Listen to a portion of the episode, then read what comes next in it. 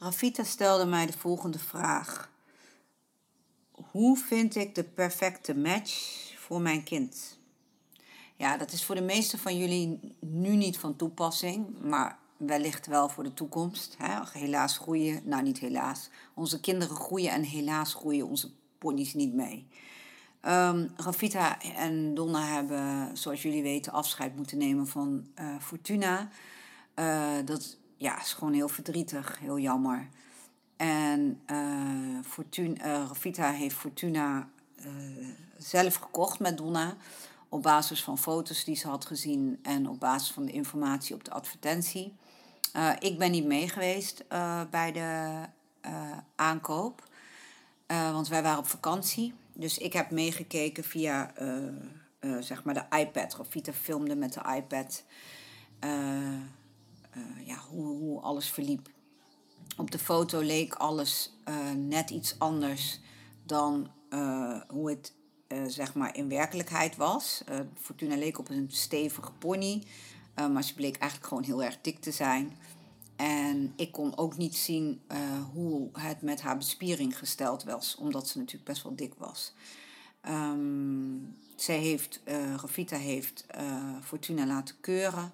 Nou, dat was allemaal goed. Ze was helemaal goed gekeurd. En uh, nou ja, op basis daarvan, en Fortuna was heel relaxed, heel rustig, heel braaf, liet eigenlijk ook alles toe. Ondanks dat Donna nog niet altijd even handig was, vond ze dat ook allemaal prima. Um, ze vertoonde alleen wat onrustig gedrag in de stal. Verder was alles helemaal prima.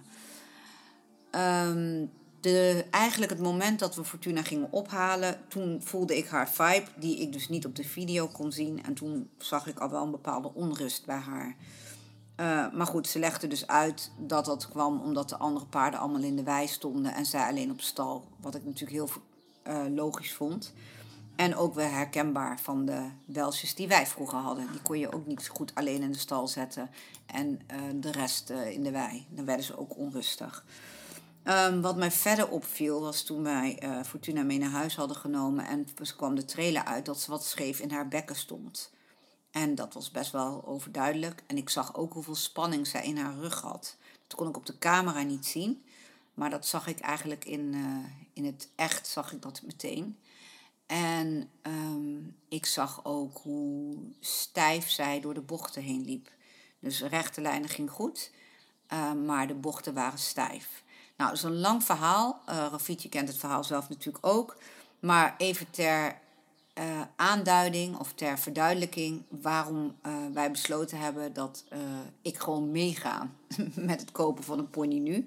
Omdat dit soort zijn wel kleine dingetjes die ik zou kunnen hebben gezien op het moment, of niet zou kunnen, die ik zou hebben gezien op het moment dat ik mee was. En die ik niet heb gezien door de camera. Omdat het beeldmateriaal, kwaliteit was niet zo heel best. Uh, ik zag alles een beetje van een afstandje. En ik had er vertrouwen in. Die dierenarts kijkt ernaar. En als er wat is, dan komt dat er wel uit. Um, nou was Fortuna verder ook een hele gezonde pony. Alleen er zat heel veel werk aan haar lijf heel veel achterstallig onderhoud, zeg maar. En alle stress en spanning die zij op welke manier dan ook opbouwde, sloeg zij op in haar, in haar lijf. En dan mm, in het bijzonder haar rug. Um, en ze was wat scheef. Nou ja, elke pony is scheef. Maar op het moment dat je er niks aan doet en niet traint, wordt het natuurlijk alleen maar schever. Uh, dat is allemaal goed gekomen. We hebben, uh, ik heb heel veel getraind met uh, Fortuna aan de dubbele lijnen. En uiteindelijk hebben we haar ook gewoon goed kunnen rijden. Dus dat is allemaal goed gekomen. Maar het was wel echt heel veel werk. Heel veel werk. En de spanning die ik eigenlijk al bij haar zag in het echt, was voor mij al reden geweest tot nadenken of ze wel geschikt zou zijn. Ondanks haar brave, lieve gedrag. Dus nou komen we eigenlijk to the point. Rafita vraagt: hoe vind ik de perfecte match voor mijn kind? Nou, dat, is, dat hangt van zoveel dingen af. Als jij een beginner hebt, net als Donna, dan is een super, super, super brave pony echt heel erg belangrijk.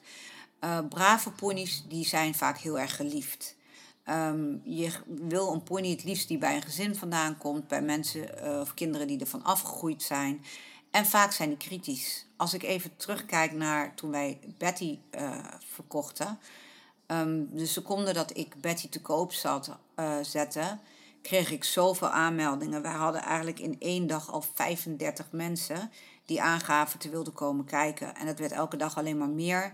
Uh, met als gevolg dat wij binnen twee dagen, volgens mij, of drie dagen al erop hadden gezet, gereserveerd. Uh, want we gaan eerst aan de slag met de mensen die we nu gesproken hebben. Op het moment dat jij zoveel animo hebt voor jouw pony, omdat je weet het is de liefste, leukste pony die er bestaat en die kan elk kind blij maken, word je natuurlijk ook super kritisch.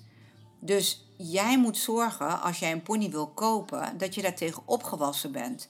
Zorg al voordat je gaat, uh, de, de koop aangaat of de, uh, gaat zoeken, dat je filmpjes hebt van de accommodatie. Waar komt de pony te staan? Wat heb je de pony te bieden? Het is ook handig dat je filmpjes achter de hand hebt van hoe jouw kind rijdt. Hoe jij, um, waarin uitst en wat uitstraalt hoe jouw kind met paarden omgaat. Dus bijvoorbeeld waar jouw kind aan het poetsen is, waar jouw kind aan het opzadelen is, waar het aan het rijden is, waar het aan het knuffelen is met de pony. Gewoon dat mensen een sfeer krijgen wie je bent, uh, hoe je met dieren omgaat. Ik denk dat dat heel belangrijk is. Wij hebben ook een filmpje van Donna gemaakt, van haar met Fortuna dan in dit geval, en hoe ze rijdt en wat ze allemaal doet omdat ik denk dat het heel belangrijk is. Want mensen die enigszins om hun pony geven, willen gewoon weten wie ben jij. Weet je, leuk dat je geïnteresseerd bent in mijn pony, maar wie ben jij? Ben jij wel degene die ik mijn pony gun? Hou jij je, mijn pony wel onder de omstandigheden die ik fijn vind voor mijn pony, waaronder ik ook wil dat hij gehouden wordt? Dus het begint al stap 1 bij jezelf. Wie ben ik? Laat dat weten. Uh, wat heb ik te bieden? En waar zijn we dus naar op zoek? Daarna gaat, uh, komt de volgende stap. Ja, ik ben van plaats een advertentie en zeg wat je zoekt. En hopelijk komen daar mensen op af. Nou, dat hebben wij natuurlijk ook gedaan. Uh, we hebben ook stukjes van Donna gefilmd dat ze echt nog een beginnende ruiter is. En toch bieden mensen ons moeilijke ponies uh, aan die nog, nog niet goed kunnen galopperen. Of die nog moeite hebben met uh, een rechte lijn lopen. Of die op welke manier dan ook nog hartstikke groen zijn. Ja, dat zijn natuurlijk ponies die zijn gewoon niet geschikt. Niet omdat ze niet goed genoeg zijn, maar omdat ze niet passen bij het plaatje. Dus ken je kind goed. Weet het niveau van je kind en noem je kind vooral een beginner naar mensen toe. In die zin dat als jij een hele brave beginnerspony zoekt, dat je niet zegt: Mijn dochter rijdt al twee jaar. Want dan lijkt het net alsof jij al, of je dochter alles al uh, kan en uh, nergens bang voor is en wel tegen een uitdaging zou kunnen. Dus hou je kind klein. Zeg gewoon: Mijn kind is nog aan het leren. Mijn kind heeft een pony nodig waar hij of zij van kan leren. Dus dat is heel belangrijk om dat heel duidelijk, daar duidelijk in te zijn naar de verkopende partij toe. Maar om daar ook heel duidelijk in te zijn, uh, te, te lezen in de advertentie. Wat schrijven mensen? Als mensen al zeggen van ja, heeft een, een, um, um, een, een ruiter nodig die stevig in zijn schoenen staat. Hoef je die mensen niet eens te benaderen, want dan weet je al dat dat een pony is die niet bij jouw kind gaat passen. Of um, na, als het pony merkt dat hij je kan vertrouwen, gaat hij voor je door het vuur. Dat zijn ook van die teksten waarbij je weet dat die pony niet zomaar een allemansvriendje is en dat daar best wat leiderschap bij komt kijken voordat zo'n pony dus echt met je aan het werk kan. Ja, bij een jong kind die nog beginnend is, past zoiets niet. Ook al gaan mensen daarna roepen dat dat waarschijnlijk wel zou moeten kunnen. Dus wees heel kritisch. Lees de advertentie heel goed en vraag goed door. Want vaak na doorvragen kom je erachter dat het misschien toch geen match is. En dat scheelt je heel wat uren in de auto en kilometers rijden. Vraag altijd om video's. Leuk dat ze mooie momentopnames hebben. Maar vraag video's. Vraag video's van stap, draf, galop, linksom, rechtsom. Is het al te veel werk voor die mensen om jou 10.000 vragen te beantwoorden? Dan moet je misschien zeggen, dan is deze pony niet voor ons. Want ik kan me voorstellen dat als jij een goed thuis zoekt voor jouw pony, dat je het niet erg vindt. Sterker nog, dat je het heel belangrijk vindt dat iemand 100.000 vragen heeft. Als dat allemaal te veel moeite is en te veel gedoe, kun je die pony beter aan je neus voorbij laten gaan. Want dan is dat waarschijnlijk niet de match. Dus je moet echt super kritisch daarin zijn. En mensen moeten het fijn vinden dat je vragen stelt. Moeten uitgebreid antwoord willen geven. Als je alleen maar korte antwoorden krijgt van... oh nee hoor, hij is wel braaf. Oh ja, nee hoor, dat kan wel. Oh nee hoor, alles is... Dat is zo gemakkelijk. En tuurlijk kan het dan zijn dat het alsnog een leuke pony is. Maar 9 van de 10 keer zijn het of mensen die daar helemaal niet bij betrokken zijn... en die het allemaal wel geslaagd vinden. Of het is een handelstal. Of het zijn mensen die gewoon blij zijn als ze van de pony af zijn. Dus goed doorvragen. Durf door te vragen. Uh, wees realistisch. Ehm, wijk niet te veel af van de dingen die je van tevoren zoekt. Als je braaf zoekt en bomproef, ga dan ook voor braaf en bomproef. En laat je niet verleiden door een pony die ook wel braaf is met een ruiter die al veel meer ervaring heeft. En die misschien al M-dressuur heeft gelopen en uh, al uh, L springen. Weet je, het klinkt allemaal heel mooi, maar het moet ook passen bij jouw kind. En zorg er ook voor dat die pony niet al heel veel uitdaging gewend is. Een pony die gewoon een jaar of tien is en nu gewend is uh, zetspringen, uh, L-dressuur, elke week op concours. Je moet je afvragen hoe blij zo'n pony wordt bij een ruiter die nog alles aan het leren is en misschien naar de Bixie gaat. En natuurlijk zijn er uitzonderingen mogelijk, want misschien heb je een goede bijrijder die de pony kan blijven uitdagen. Of is er een andere manier waardoor je die pony gewoon lekker veel uitdaging kunt geven? Maar vraag jezelf dat wel af. Stel jezelf wel de vraag: kan ik die pony ook de uitdaging bieden die die nodig heeft? Kijk ook naar de omstandigheden bij jou op stal. Staat de pony nu 24/7 en nooit op stal? Hoe gaat hij reageren als hij bij jou alleen overdag buiten komt en s'nachts wel op stal moet? Misschien kan die pony daar helemaal niet tegen. Misschien wordt hij hartstikke onrustig.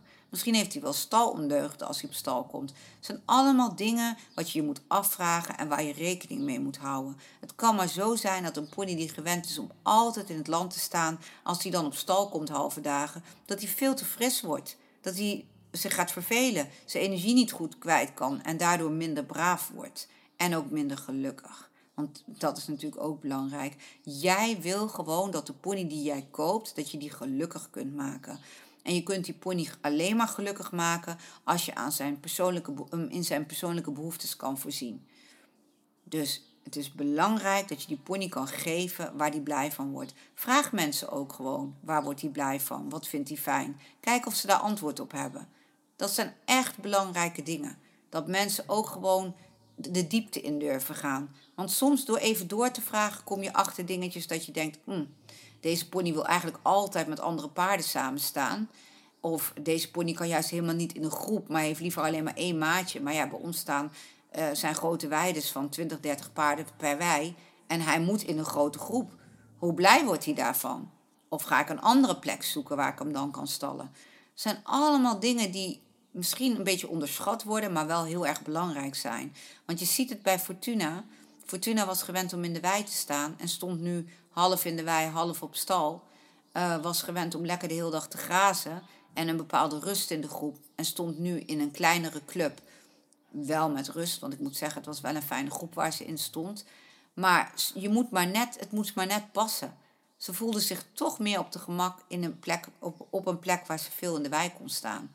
En dat contrast hebben we gemerkt.